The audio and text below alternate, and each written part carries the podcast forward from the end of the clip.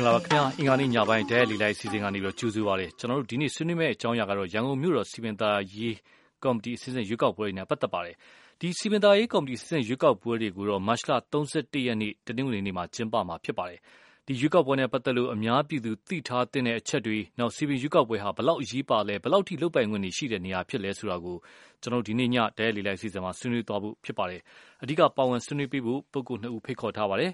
အာပထမတူကတော့မတ်တင်စာရှင်းလိုက်ပြီပါ သူကတော့ဒီဒီမိုကရေစီနဲ့ ဖွံ့ဖြိုးရေးလှုပ်ရှားမှုကော်မတီရပါ နောက်တူကတော့ New Myanmar Foundation ကမတ်မြနန္ဒာတင်းဖြစ်ပါတယ် ဒါ့အပြင်ကျွန်တော်တို့ဒီလက်တွေ့စီယုံရေးအခြေအနေ လက်တွေ့မြေပြင်အခြေအနေနဲ့ပတ်သက်ပြီးတော့သိနိုင်ဖို့လေကိုယ်စားလှယ်တဦးကိုယ်စားလှယ်လောင်းတဦးကိုကျွန်တော်ဖိတ်ခေါ်ထားပါတယ် ဦးဝင်းချိုဖြစ်ပါတယ်ခင်ဗျ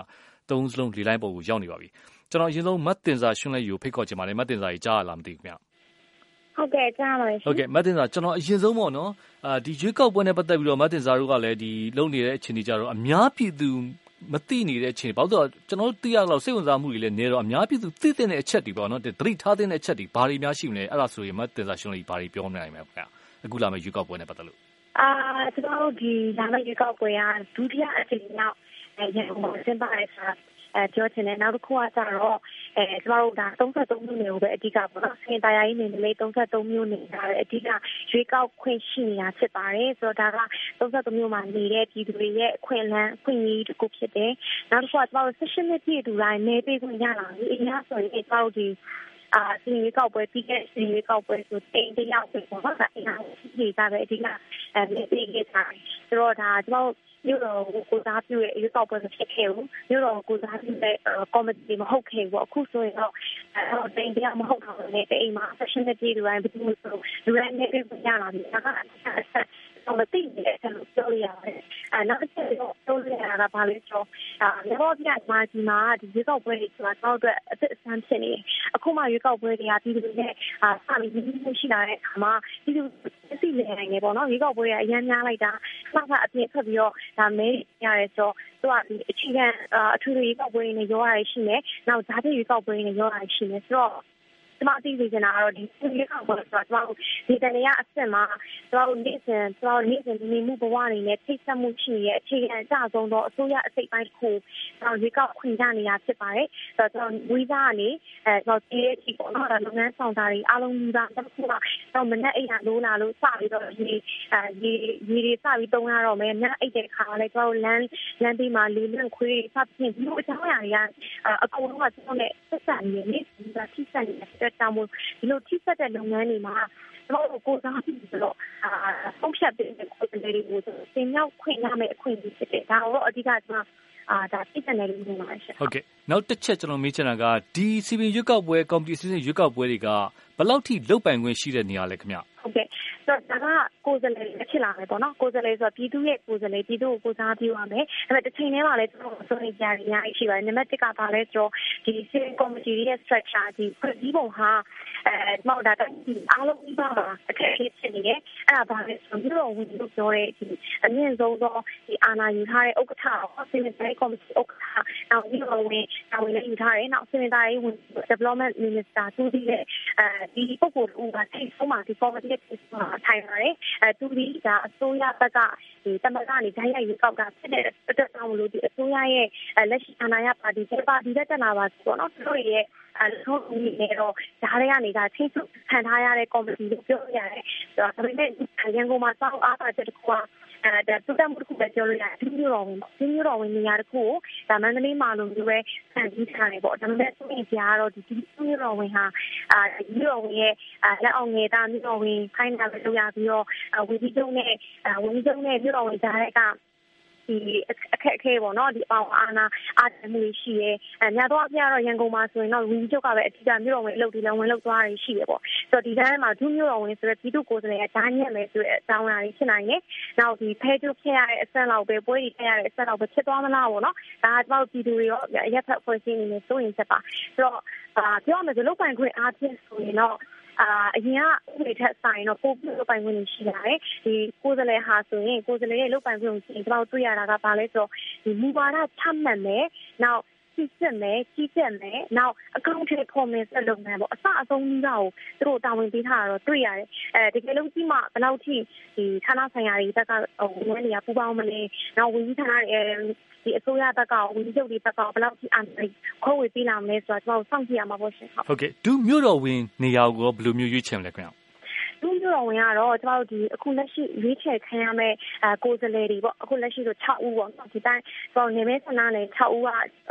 ကိုယ်စားလှယ်6ဦးတက်လာတဲ့အခါမှာဒီ6ဦး plus နောက်ထပ်9ဦးကတော့ဒီအစိုးရဘက်ကခန့်အပ်ပေါ့လေအစိုးရခန့်အပ်ရှိပြီးသား position မှာထိုင်နေတဲ့ပုံကိုယ်နဲ့အားလုံးပေါင်းပြီး17ဦးထင်ကတဦးကိုပြန်ပြီးတော့ဒုမျိုးတော်ရှင်နဲ့အာရေးချင်မှာပေါ့ဒီမှာလဲကျွန်တော်တို့စိုးရင်ကြရတော့အများကြီးရှိတယ်ပေါ့ဒါပေမဲ့ဆို9ဦးဒီအရင်ကလေးကဒါဟိုအစိုးရဝန်ထမ်းကောနောက်ဒီ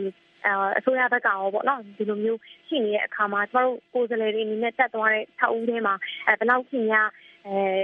ပြည်သူလိုလားချက်နဲ့အညီတကယ်စစ်စင်ဖြစ်လိုက်တဲ့လူဖြစ်လာပါမလားပေါ့ဒူးမျိုးတော်ဝင်နေရာကလည်းဒီလိုဆိုကြတော့ရှိတယ်ပြောရမယ်ဆိုဒူးမျိုးတော်ဝင်ကပြည်သူကတိုက်ရိုက်ရေးတာလောကမဟုတ်ပါဘူးဒီကော်မတီအဖြစ်ရွေးချယ်ခံရပြီးတော့မှဒီမျိုးတော်အဆက်ကိုရောက်သွားပြီဆိုမှဒီစစ်တပ်ဦးတွေကပြန်ရေးတာပေါ့လေဒါကတော့အားနေချက်တစ်ခုပါပြည်သူကအမှန်တိုင်းပြောရင်တော့မဲအများဆုံးရတဲ့သူဒီအခြားနိုင်ငံတွေလိုမျိုးတော်ဝင်ဒီအာပြည်သူကတိုက်ရိုက်ခံအပ်တာမျိုးအဲ့အဆင့်ပြနေရတဲ့အပြင်ဒူးမျိုးတော်ဝင်ကိုလည်းပြည်သူကတိုက်ရိုက်ခံအပ်တာမျိုးမဖြစ်သေးဘူးပေါ့ ဒါကတော့ရှိပါတယ်ဟုတ်ဟုတ်ကဲ့ခင်ဗျမတ်သစ္စာရှင်းလိုက်လီလိုင်းပေါ်မှာနေပြပါအောင်ခင်ဗျကျွန်တော်မတ်မြတ်မြနန္ဒာသင် New Myanmar Foundation ကအာဒီရွေးကောက်ပွဲဆိုင်ရာကြံပြီးပါမတ်မြနန္ဒာသင်ကြားပါလားခင်ဗျဟုတ်ကဲ့မတ်မျက်နှာလာတင်အခုခုနကပြောမယ်ဆိုရင်တော့ရွေးကောက်ပွဲကရန်ကုန်မြို့တော်စီပင်သားရေးကော်မတီစစ်စစ်ရွေးကောက်ပွဲရဲ့ဒုတိယအကြိမ်လို့သိရပါတယ်ဒီမတိုင်ခင်မှာလည်းဒီဥပဒေစီပင်နဲ့ပတ်သက်လို့ပြင်ဆင်တာတွေလည်းလှုပ်သွားတယ်ဆိုတော့အခုလာမဲ့ဒီရွေးကောက်ပွဲနဲ့ဒီစီပင်ရွေးကောက်ပွဲနဲ့ပတ်သက်လို့အရင်တစ်ခေါက်ထက်ဆိုင်ဘာတွေများညှို့လင့်ချက်ထားစရာတွေရှိပါလဲခင်ဗျ အော်ဟုတ်ကဲ့ကျေးဇူးတင်ပါတယ်ကျွန်တော်ရှိမှလည်းကျွန်တော်တင်ပါရှင်းနေရပြောသွားပြီပေါ့နော်ကျွန်တော်တို့ဒီ2014နဲ့2019မှာအဓိကကွာချက်ချက်ကတော့ကျွန်တော်တို့ဒီဥပဒေမူပါမို့နော် ဒီဥပဒေမူပါမျိုးကျွန်တော်တို့ကြောင်းနေသွားတဲ့ဟာရှိတယ်။ဥပမာဘယ်လိုလဲဆိုတော့ဒီ attestation နှစ်ကြည့်ပြီးဒီတိုင်းလက်တွေ့ခွင့်အပါအဝင်ကျွန်တော်တို့ဒီ committee တွေဆိုလို့ရှိရင်ကျွန်တော်တို့ဒီ၄ဦးကနေပြီးတော့ရွေးကောက်ခံရ6ဦးထိတိုးလာခဲ့တယ်။ဆိုအဲ့ဒီကအပြင်မှာကျွန်တော်တို့ဒီကြောင်းနေတက်တက်လာတဲ့ဟာလေးတွေတချို့ရှိတယ်။ဥပမာဘယ်လိုမျိုးလဲဆိုတော့ကျွန်တော်တို့ဒီ2014တုန်းကဆိုလို့ရှိရင်ဒီရက်သက်အဖွဲ့တွေကဒီတရားဝင်ကြီးလာဆုံးဖြတ်နေနေရခဲ့တယ်နော်။အခုချိန်မှာဆိုလို့ရှိရင်တော့ကျွန်တော်တို့ဒီအစ် ပေါ်ထွက်လာတဲ့ဒီနည်းတွေရဆိုပြီးအဲကျွန်တော်တို့ဒီရက်သက်အဖွဲ့တွေကလည်းပဲဒီစစ်တင်တာရွေးကောက်ပွဲကိုဒီလက်ဆက်နေပြင်ရလာပြီဆိုအဲ့ဒီအချက်ကလေးတစ်ခုကြောင်းလဲမှုကိုကျွန်တော်တို့တွေ့ရတယ်ဆိုတော့နောက်တစ်ချက်အနေနဲ့ကကျတော့ကျွန်တော်တို့ဒီဒီရခိုင်လူတွေနဲ့ဒီကွာချက်တစ်ခုကတော့ကျွန်တော်တို့ဒီရေကောက်တင်မှချင်းဆိုင်ရာဒီအခန်းကဏ္ဍမှာဆိုလို့ရှိရင်ကျွန်တော်တို့ဒီဟောတော့ဒီအမြင့်ကောက်မှုဖြည့်ရှင်းခြင်းဆိုင်ရာကိစ္စရပ်တွေအခုဒီရေကောက်ပွဲမှာဒီ campaign နဲ့ပတ်သက်တဲ့အဲဒီ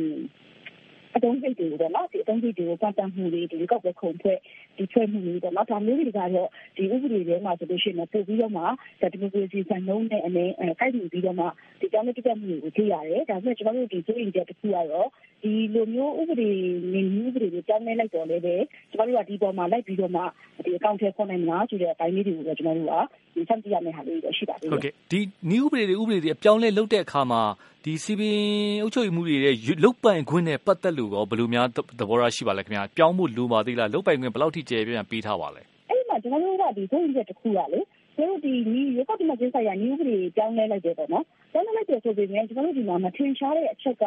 ဒီရေကောက်ခံလိုက်တဲ့ကိုယ်စားလှယ်ရဲ့တောင်းပန်တာဘာလဲပေါ့နော်အဲ့ဒါဆိုလို့ရှိရင်ကျွန်တော်တို့ကဒီမှာမြို့နယ်ဆိုရင်မြို့နယ်ကော်မတီဥက္ကဋ္ဌရှိမယ် အဖွဲ့ဝင်သိရှိမယ်အဖွဲ့ဝင်နှစ်ရှိမယ်ပေါ့နော်ဒီမှာဒီကျွန်တော်တို့ဒါမြို့နယ်အဆင့်ဆိုရင်ကျွန်တော်တို့ဒီလူကြီးကသုံးဦးကြီးတောက်ပါမယ်ဒါမျိုးတော့အဆင့်မှာဆိုလို့ရှိရင်တော့33မြို့နယ်အတိုင်းတာမှာကျွန်တော်တို့ဒီ6ဦးပေါ့လေဟောစစ်စစ်ကောင်ကိုယ်စားလှယ်ကျွန်တော်တို့ဒီပြည်သူရေးကောက်တဲ့ကိုယ်စားလှယ်တရားနိုင်မှာဥပေါ်ထွက်လာမယ်ဒါမဲ့ကျွန်တော်တို့ဒီဥပဒေမှာအဲတိကျကြမရေးသားတဲ့မရေးသားထားတဲ့အချက်ကဥပမာဒီဒုတိယမြေရောက်ပြီးဆိုရင်ကျွန်တော်တို့ဒုတိယမြေရောက်ပြီးရဲ့တာဝန်တွေကိုရေးသားထားလို့ရရှိတယ်ဒါဆိုရင်ကျွန်တော်တို့ဒီမြို့နယ်အဆင့်ကော်မတီဥက္ကဋ္ဌတွေအဖွဲ့ဝင်တွေရဲ့ တာဝန်ကို ကျွန်တော်တို့ဒီတိကျစွာဒီတိုင်းဟာမျိုးမရှိဘူးပေါ့နော် အထူးသဖြင့်ကတော့ ကျွန်တော်တို့က ဒီ budget ပိုင်းဆိုင်ရာပေါ့နော် ဒီဝင်ငွေဒီအသုံးစရိတ်တွေကို ဘယ်လိုမျိုး ကျွန်တော်တို့က ဆုံးဖြတ်မလဲ နောက်ပြီးဒီပြည်သူလူထုက လိုလားတဲ့အဲဒီပြည်သူဝန်ဆောင်မှု လုပ်ငန်းတွေကို ဘယ်လို အကောင့်ထဲပေါ်ဆောင်မလဲဆိုတဲ့ဒီအပိုင်းတွေမှာတော့ကျွန်တော်တို့ဒီဟိုအတိအကျထင်ရှားတဲ့ ဒီကြောင်းလက်မှုတွေကျွန်တော်တို့မတွေ့ရသေးဘူးပေါ့ဟုတ်ကဲ့ကျွန်တော်နောက်တစ်ခုမေးချင်တာကတော့လက်ရှိဒီလာမယ့်2019ရွေးကောက်ပွဲနဲ့ပတ်သက်လို့ပေါ့ပထမတစ်ခေါက်တက်ဆိုင်အများပြည်သူသိထားတဲ့အချက်တွေပိုပြီးသတိထားမယ့်ချက်တွေဘာတွေများရှိပါလဲခုနမတ်တင်စာရှင်းလင်းပြောသွားတဲ့အထက်မှာတော့အိမ်အောင်စုတစုကိုတမင်းမဟုတ်တော့ဘဲနဲ့အခု16နှစ်ပြည့်တဲ့လူတိုင်းပါမယ်တခုပါဝင်ပေါ့တချန်တဲ့အများပြည်သူသားသိထားတဲ့အချက်တွေဘာရှင်းပြများရှိပါသေးလဲဟုတ်ကဲ့ဒီအများပြည်သူသိထားတဲ့အချက်တွေတော့ကျွန်တော်တို့ကအခုဒီလာမယ့်ဒီစီပင်ရွေးကောက်ပွဲမှာကျမတို့ဒီမဲလေးနဲ့ပေးရမယ် အမဲသုံးမဲကတော့ကျမတို့ဒီမြို့နယ်ဥက္ကဋ္ဌအတွက်ကတမဲကော်မတီအဖွဲ့ဝင်တစ်အတွက်ကတမဲအဖွဲ့ဝင်နှစ်အတွက်ကတမဲဆိုပြီးတော့ကျမတို့ဒီမြို့နယ်အစဉ် သုံးမဲပေးရပါမယ်နောက်ပြီးတော့ဒီမြို့တော်အဆင့်ဆိုလို့ရှိရင်လည်းတမဲပေးရပါမယ်အဲ့တော့စစ်စစ်ကောင်ကျမတို့ဒီမဲသွားပေးနိုင်တဲ့ဒီအချင်းမှာပါတဲ့အသက်ရှင်နေဖြစ်ပြီးတဲ့ဒီတိုင်းကြီးမဲပေးမယ်ဆိုကျမတို့ကစနာမဲလေးမဲကိုကျမတို့ပေးရမှာဖြစ်ပါတယ်ဟုတ်ကဲ့ဒါလေးတစ်ခုကတော့ကျွန်တော်တို့ဒီမဲပေးနေဆိုင်ရာမှတ်သားဖို့ပါနောက်တစ်ချက်ကတော့ကျွန်တော်တို့ဒီစိတ်ပူတာကဒီရက်ပိုင်းထဲမှာတော့ကျွန်တော်တို့ဒီမဲဆင်းနဲ့ပတ်သက်ပြီးတော့အခုဒီကြေညာမှုတွေတော့ရှိနေပြီဒါပေမဲ့အဲ့ဒီမှာဒီသွားပြီးတော့မှဒီမဲဆင်းကိုကြည့်ရှုတဲ့သူကနေပြီးတယ်ပေါ့နော်နေပြီးရဆိုတဲ့အခါကျတော့ကျွန်တော်တို့ကအဲ့ဒီဟာကို အချိန်ကြီးသွားပြီးတော့မှဒီလက်ဆက်နာရှင်ပြည်သူတွေကိုမဲဆင်းကြည့်စေခြင်းနဲ့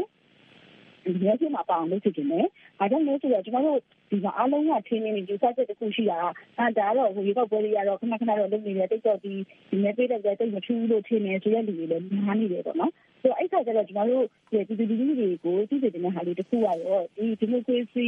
အဲရေကောက်ပွဲတွေဖြစ်လာဖို့ဆိုရင်ကျွန်တော်တို့ဒီဒေသနာရေကောက်ပွဲတွေကလည်းအမတန်မှအရေးကြီးတယ်။အထူးသဖြင့်ကတော့ဒါစီပီရေကောက်ပွဲ ဆိုရဲဟာမျိုးကကျွန်တော်တို့ပို့ပြီးတော့မှဒါဒေသနာခေါင်းဆောင်ကိုမျိုးနယ်ရဲ့ခေါင်းဆောင်ကိုရဲ့ဒီကိုမျိုးနယ်ရဲ့ဒီ community တက်မှုနဲ့ဒီအုပ်ချုပ်ရေးပိုင်းမှာဒီပါဝင်လာမဲ့သူဆိုတော့သူတို့ကိုကျွန်တော်တို့ကဒီမဖြစ်မနေကျွန်တော်တို့ရွေးချယ်ရမယ်ပေါ့နော်ဆိုအဲ့လိုမျိုးရွေးချယ်ရမယ်ဆိုတဲ့အခါကျတော့ကျွန်တော်တို့ကဒီຢာကြီးက ခုဒီလာမယ့်မတ်လ31ရက်နေ့မှာကျင်းပမယ့်စီဒီလေးကောက်ပွဲဒီရန်ကုန်မြို့တစ်မြို့ရဲ့အတွက်မဟုတ်ဘူးရန်ကုန်တိုင်းဒေသကြီးတစ်ခုရဲ့အတွက်မဟုတ်ဘူးတခြားသောကျွန်တော်တို့ဒီဒီနေ့တိုင်းရဲ့အတွက်လည်းရည်ကြည့်တယ်ဗါလို့လဲဆိုတော့ကျွန်တော်တို့အခုဒီတနက်ပြည်မှာကျင်းပမယ့်စီဒီရေးတော့ပွဲမှာဆိုရင်ကျတော့ဒီ section 1ပြည်ကလည်းပေးခွင့်ကြာဒါရန်ကုန်မှာလည်းရှိသေးတယ်ပေါ့နော်တခြားပြည်နယ်တိုင်းတွေမှာဆိုလို့ရှိရင်အဲကျွန်တော်တို့ဒီအိမ်အောင်တမဲပေးရတယ်တချို့ဆိုလို့ရှိရင်ဒီရက်ကွက်မှာကိုယ်ကလည်း၄၅ဦးခေါ်ပြီးတော့မှ ဒီမဲပေးရဆိုရင်အဆင့်ဆိုတဲ့အခါကျတော့ဒီကနေ့ရေးတော့ပွဲအဆင့်မပေါ်သေးဘူးပေါ့နော်အဲ့ဒါရန်ကုန်မှာစလိုက်ပြီးဖြစ်တဲ့အတွက်ကျွန်တော်တို့ကလည်းဘယ်လိုပဲဖြစ်ဖြစ်အဲဒါကိုဒီမဲသွားပြီးပြီးတော့မှကျွန်တော်တို့ဒီမဲပေးတဲ့ဒီရခိုင်လုံးတွေကျွန်တော်တို့များနာအောင်လုပ်ရမယ်ဒီမိုကရေစီရေကောက်ပွဲမှာကျွန်တော်တို့ဒီဒီဇင်ဘာရေကောက်ပွဲတွေကလည်းအရေးကြီးတယ်ကျွန်တော်တို့အတွက်ဒါမဖြစ်မနေလည်းပြရမယ်ဆိုတဲ့ဟာလေးလည်းဒါပြည်သူလူထုကိုသိစေချင်ပါတယ်ဟုတ်ကဲ့ပါခင်ဗျမမျက်နာမျက်နာသင်းရောမတင်စာရှင်းလိုက်ရောလီလိုက်မှာခဏနေပြီးပါအောင်ခင်ဗျ ကျွန်တော်တော်ရရှင်တူ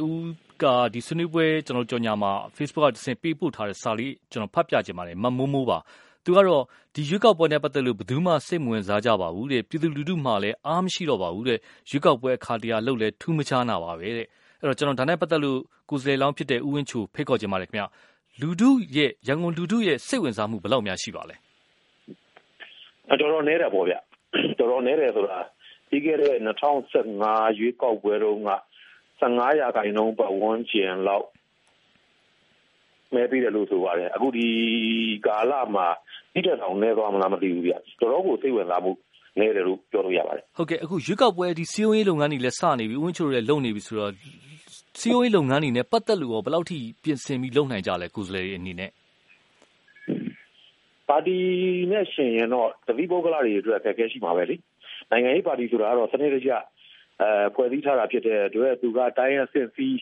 မြို့နယ်စီးပြီးတော့ရက်ွက်စီးအဆင့်နဲ့နဲ့စီယုံရေးဆင်းနိုင်တဲ့အခါကျွန်တော်တို့လိုကျွန်တော်နယ်မြေမျိုးပေါ့ဆက်နှစ်မြို့နယ်ကိုစီယုံရေးဆင်းရမယ့်ကိစ္စအကြတော့တတိပုဂ္ဂလအတွက်အခက်အခဲရှိပါတယ်တတိတသက်လာစီယုံရေးဆင်းမယ်ဆိုရင်ဒီကိစ္စအတော်တော်ခက်ခဲမှာပါဟုတ်ကဲ့အဲ့တော့ဦးဝင်းချိုတူတဲ့အနေရဆိုလို့ရှိရင်ရမုံငွေဖြစ်ဖြစ်ဘာဖြစ်ဖြစ်ဘလို့သွားပြီးတော့ဟိုလုံလုံနေရလဲအခြေအနေက လက်ရှိအချိန်ကြီးကတော့ကျွန်တော်ကကိုပိုင်ငွေပဲဆိုတော့ကျွန်တော်မိသားစုရဲ့ထောက်ပံ့ငွေကလွဲပြီးတော့ကျွန်တော်ဘယ်ကမှရမုံငွေမရှိပါဘူးအဲ့တော့အဲ့အတွက်စီးမြင်းနေပါလှုပ်ထားတာရောရှိပါလားခင်ဗျမြမတတဖြစ်အောင်ကုစလရီကြားထဲမှာဟုတ်ကဲ့သိန်းနေရတဲ့ပို့ပြီးမသုံးရဘူးဆိုတော့အဲတတ်မှတ်ချက်ရှိထားတယ်ပေါ့သို့တော်လည်းပဲကျွန်တော်ကသိန်းနေရအဲသိန်းနေရမဟုတ်ဘူးသိန်းတရာလည်းကုန်မှာမဟုတ်တဲ့အတွက်ဒီတတ်မှတ်ချက်ကကျွန်တော်အတွက်တော့သိပြီး ရေးကြီးမဟုတ်ပါဘူး ဟုတ်ကဲ့ အခုစီယုံရေးလုပ်ငန်းတွေနဲ့ပတ်သက်လို့ ပြောမယ်ဆိုရင်ဝင်းချိုပါခက်ခဲတွေစင်ခေါ်ချက်တွေရှိရဆိုရင် ဘာတွေများရှိပဲခင်ဗျ အဓိကအဖြစ်အဲ့ဒါတော့ ကျွန်တော် သိသတိမထားမိဘူး။ဘာကြောင့်လဲဆိုတော့ အမှန်တကယ် ကျွန်တော် ဘာကြောင့်ဝင်ပြိုင်လဲဆိုရင်2010ကနေ2018အထိရှင်းနှစ်လုံးလုံးဒီပြည်သူအတွက် အကျိုးပြုအကျိုးရှိနေနိုင်တဲ့ လုပ်ငန်းရပ်တွေမှာကြီးပဲ ကျွန်တော် အချိန်ကုန်ခံခဲ့တာဒီမျိုးပြောရင် ဒီရှင်းနှစ်ဒါကာလပတ်လုံး ကျွန်တော်ဘဝကိုအများအတွက်ပဲညှို့နှံနေတာဖြစ်တဲ့အတွက် CBN အတွက်တတိတသန့်ဆိုပြီးကျွန်တော်ထူးထူးခြားခြားစီးရုံးနေတာ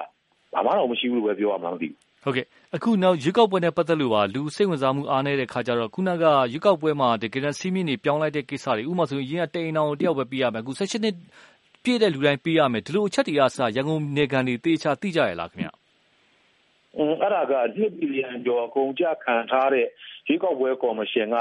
ဦးစီးပြီး ဆောင်ရွက်ပေးရမှာပါသို့တော်လည်းအဲ့ဒီဟာကိုဆောင်ရွက်တယ်မဆောင်ရွက်ဘူးဆိုတဲ့အချက်ရဲ့အဲပြည်သူတွေတကယ်သိလားမသိလားဆိုတဲ့အချက်ရဲ့ဆိုတာမှာတော့နည်းနည်းတန်လျာရှိနေရဖြစ်ပါတယ်ဆိုလိုတာကတော့အခုချိန်ထိမဲသင်းတွေမှာမှန်သေးဘူးဆိုတာကိုကျွန်တော်ရဲ့လက်ရှိဝေါ်ပေါ်မှာလည်းကျွန်တော်တင်ထားတယ်နောက်တစ်ခါကျွန်တော်တို့နယ်မြေ၃မှာအစိုးဆုံးအချက်ကနယ်မြေ၃မှာအပြိုင်မဲ့ကော်မတီဝင်က10ဦးရှိတယ်10ဦးဖြစ်ရှိတဲ့အတွက်မဲသင်းစာရွက်အဲကော်မရှင်ရုံးတွေမှာကတ်ထားတဲ့မဲသင်းစာရွက်ကနှစ်ရွက်ဖြစ်နေတယ် တခြားမြို့နယ်တွေတခြားသုံးနယ်မြေတွေမှာက9ရောက်အထက်ကိုခုမှမရှိတဲ့အတွက်သူတို့ကစာရွက်တစ်ရွက်တည်းနဲ့ပြီးတယ်ကျွန်တော်တို့ကနှစ်ရွက်နှစ်ရွက်မှာမှတခါကျွန်တော်တို့အဲကျွန်တော်နံပါတ်က6ဖြစ်တဲ့အခါကျတော့8930ကတရွက်12356ခေါင်ကတရွက်အဲတချို့မြို့နယ်တိတိကျကျပြောရရင်ဝေလူဝင်တောင်ပိုင်းရက်ွက်ကမဲဆန္ဒဟိုကော်မရှင်ရုံးရှိမှာဆိုလို့ရှိရင်12356ခေါင်မဲပါပြီးတော့8930စာရွက်မရှိဘူး အကူကတ်ထားတယ်ကော်ကွာသွားတယ်ဆိုတဲ့အခါကျတော့အဲဒီ8930မရှိတော့ဘဲနဲ့9ယောက်တည်းပြိုင်တာလို့မြို့နယ်ရပြည်သူတွေရက်ွက်တွေကပြည်သူတွေအမှတ်မှားနိုင်ပါတယ်ဒီအကြောင်းအရာတွေကိုဆယ်တန်းစာမွေးဝဲဖြေဆိုတဲ့အချိန်ကြတော့မှပဲကျွန်တော်တို့လိုက်လံစစ်ဆေးပြီးအသိပေးအကြောင်းကြားမှာဖြစ်ပါတယ်ဟုတ်ကဲ့အခုဒီစင်းပြုစုတဲ့အဓိကဒီမဲစင်းမဲဆန္ဒပေးနိုင်တဲ့လူစင်းပြုစုတာကရွေးကောက်ပွဲကော်မရှင်ကပဲလားတခြားအကူအညီပေးတဲ့အဖွဲ့အစည်းရောရှိပါလားခင်ဗျာ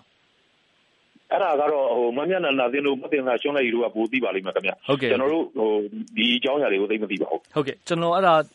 ဆက်သေးမမျက်နှာနာသင်ကိုမေးချင်ပါတယ်ခုနကမဲစင်းကိစ္စပါမဲစင်းပြုစုတဲ့အခြေအနေကတေးချာချာရောလုံနိုင်ရလားဘယ်လိုမြင်ပါလဲဟုတ်ကဲ့အဲ့ဒါတော့ကျွန်တော်တို့ဟိုပါပေါ့နော်ဒီ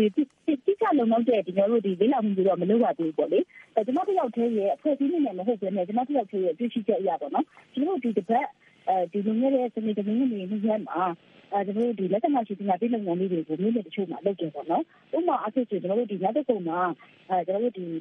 ပညာပေးစနစ်ပေါ်ကြောင်းလုပ်တဲ့အချိန်မှာဒီကိုယ်စလဲလောင်းနေလည်းဖိတ်တာပေါ့နော်။အဲ့ဒီမှာဆိုကျွန်တော်တို့ကိုယ်စလဲလောင်းနှစ်ဦးကတော့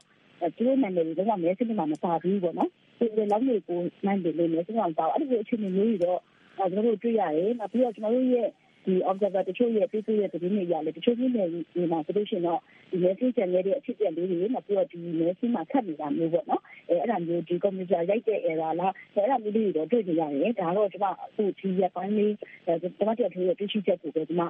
ဒီချို့ဒီဖြစ်ပါတယ်ဒီအဖွဲ့အနေနဲ့ကတော့တိကျဒီအစီအစဉ်ကတော့အဲဒီရေကောက်ပြီးတဲ့ခါကျရင်မှထပ်မှာပါတစ်ဆက်တည်းကျွန်တော်ခုနကမတ်မြဒီနန္နာသင်းပြောသွားတဲ့ထဲမှာပဲ CSO ရပ်ဖက်အဖွဲ့အစည်းတွေရဲ့စောင့်ကြည့်ခွင့်ကိုခွင့်ပေးတယ်ဆိုတာက အခုခွင့်ပေးတယ် ဘယ်လိုပုံစံမျိုးနဲ့ စောင့်ကြည့်နိုင်မလဲ စောင့်ကြည့်ဖို့ အခြေအနေကဘယ်လိုများ ရှိပါလဲအခုဟုတ်ကဲ့ အဲ့ဒီတိုင်းမှာတော့ ကျွန်တော်တို့ဒီအခုဒီရေကောက်ပဲဒီမျိုးကော်မရှင်ပေါ့နော်မျိုးကော်မရှင်ကနေပြီးတော့မှဒီကနေ့လာမဲ့ဒီရက်ဖက်အဖွဲ့အစည်းတွေကိုကျွန်တော်တို့ဒီဒေသခွင့်ဒီဟိုဟာလေးထပ်ပြီးတယ်ပေါ့နော်။အဲ့ဒီဟာလေး ကျွန်တော်တို့ကအဲ့ဒီလက်တော်ကြီးဆိုရကလေးကိုရထားပြီးအဲနောက်ရက်ဒီကလို့ရှိရင်တော့ဒီကပ်ပြားတွေ ထပ်ပြီးတော့ ထုတ်ပြီးတယ်ပေါ့နော်။အဲ့ဒီခါကျတော့ဥမာကျွ န်တော်တို့ကဒီ33မြို့နယ်မှာဒီဒီကနေ့ဥချထားမယ်ဆိုတာကိုကျွန်တော်တို့ဒီနှစ်ပတ်အတော်ပြင်းမှာဒီစီးရင်ပြဖို့ရှိပါတယ်အဲစီးရင်ပြတဲ့အခါမှာတော့ဒီကျွန်တော်တို့ရဲ့ဒီကောက်ပွဲလေးလာပြီးမှာဒီအထူးသဖြင့်ကတော့ဘာသာပုံစံတည်ရနေပေါ့လေအဲ33ရက်နေ့မှာကျွန်တော်တို့ဒီအဲနေ့နေ့မှာကျွန်တော်တို့ဒီကောက်ပွဲလေးလာတော့ရှိပါတယ်ဟုတ်ကဲ့အဲ့အတွက်ကတကယ်တမ်း CSU ဘယ်နှစ်ဖွဲ့လောက်လုံနိုင်မယ်လို့ခံမှန်းထားကြလဲခင်ဗျစောင့်ကြည့်ရေးကို ဒီလောဆယ်ဒီလောက်ဆိုရင်တော့၃နှစ်ဖွဲ့လောက်ပေါ့နော်ဒီ၃နှစ်ဖွဲ့လောက်ကတော့အဲဒီရွက်ပွဲလေးကဆန်းကြည့်ဖို့အတွက်ဆိုပြီးတော့ဒီစင်းတင်နေတာရှိပါတယ်ဟုတ်ကဲ့တခြားရွက်ကောက်ပွဲကာလအတွင်းမှာဒီမဲဆွယ်စည်းရုံးနေတဲ့မှုနဲ့ပတ်သက်လို့ကန့်တက်တာမျိုးတွေတစုံတရာဟိုပြတ်ဟိုဖြစ်တာမျိုးတွေရောရှိပါလားခင်ဗျ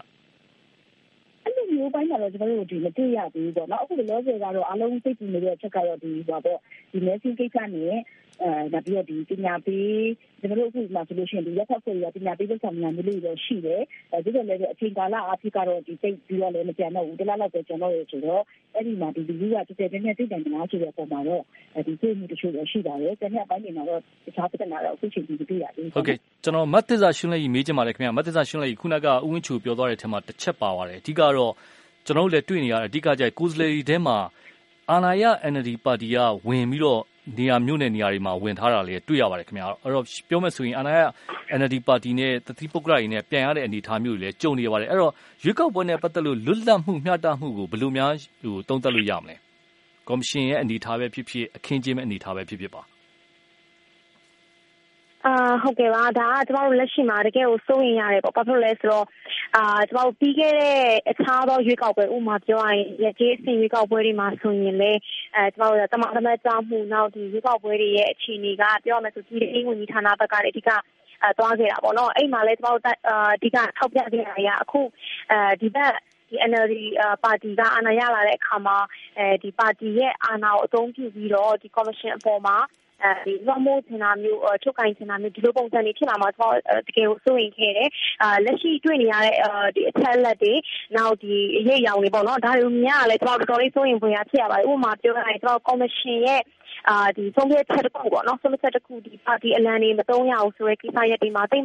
နှစ်ရက်တာအတော်အတွင်းမှာပဲသူတို့ရဲ့ဆုံးဖြတ်ချက်ကိုပြင်နေပေါ့ပြင်ပြီးတော့ပြန်ထုတ်ပြန်တယ်အာပါတီအလံတွေပုံရိပ်တွေသုံးလို့ရတယ်ဆိုတာမျိုးဖြစ်သွားတယ်ပေါ့ဆိုတော့ဒီလိုအခြေအနေမှာအဲဒီဒီဒီဒီဥပဒေကြီးကိုယ်တိုင်ကိုကဒီလက်ရှိအာဏာရပါတီဒီဝန်ကြီးချုပ်ကိုယ်တိုင်ဦးစီးရေးရဆိုတာမျိုးကဒါအားလုံးသိထားပြီးသားဖြစ်ပါတယ်ဆိုတော့ကျွန်တော်ဆိုရင်ကတော့ဒီအာဏာရပါတီဟာသူနိုင်လောက်တဲ့အခြေအနေတစ်ခုကိုအဓိကအဲ ရေးဆွဲပြီးတော့မှအားလုံးကိုဝင်ပြိုင်စေတာဆိုတာမျိုးဖြစ်လာမှာပေါ့ဒါကိုအဓိကစိုးရင်တာပေါ့နော်ဟုတ်ကဲ့ကျွန်တော်အခုတွေ့နေရတဲ့အခြေအနေကတော့ပါနေရတွေ့ရတယ်အာနောက်တစ်ခုကဒီပါတီတွေဝင်ရောက်ရှင်ပြိုင်တဲ့အခါတခြားနိုင်ငံတွေမှာလည်းပါတီတွေအနေနဲ့ဝင်ရောက်ရှင်ပြိုင်တာရှိပါတယ်ဒါပေမဲ့ကျွန်တော်မြန်မာနိုင်ငံမှာတော့ဒီဒါလွတ်တော်ရွေးကောက်ပွဲမဟုတ်နေတဲ့အခါမှာဒီလက်ရှိ ပြည်သူတွေရဲ့ service ကိုအထက်သွားရတဲ့တတိပုဂ္ဂလတွေပုံများတဲ့ရွေးကောက်ပွဲမှာ ပါတီဝင်ပြိုင်နေဆိုရင်ဒီဗန်နာရေးအဖြစ်ကော ပုံရေးအဖြစ်ကောဒါတတိပုဂ္ဂလတွေအတွက် ကျွန်တော်တို့တွေ့ရတာတော့ တကယ်ဟိုအင်အားမတူဘူးပေါ့နော် သူတို့တွေအတွက်နဲ့နာစီလို့ ကျွန်တော်တို့တွေ့ရပါတယ် ဟုတ်ဟုတ်ကဲ့ခင်ဗျာကျွန်တော်တို့ဒဲဒီလိုက်စီစဉ်ချင်းဆစ်သွားလို့ပါ အဓိကပေါင်းဆွေးနွေးပေးကြတဲ့မတ်တင်စာရှင်းလက်ကြီးမတ်မြနန္ဒာတင်းနဲ့ဥဝင်းချိုးတို့ကို ကျေးဇူးအများကြီးတင်ပါတယ်ခင်ဗျာသရရှင်တွေအားလုံးလည်း ကျေးဇူးပါ ကျွန်တော်ဒဲဒီလိုက်စီစဉ်ကတော့ အချိန်ကြောင်းဒီမှာပဲရန်နာခွင့်ပြုပါခင်ဗျာ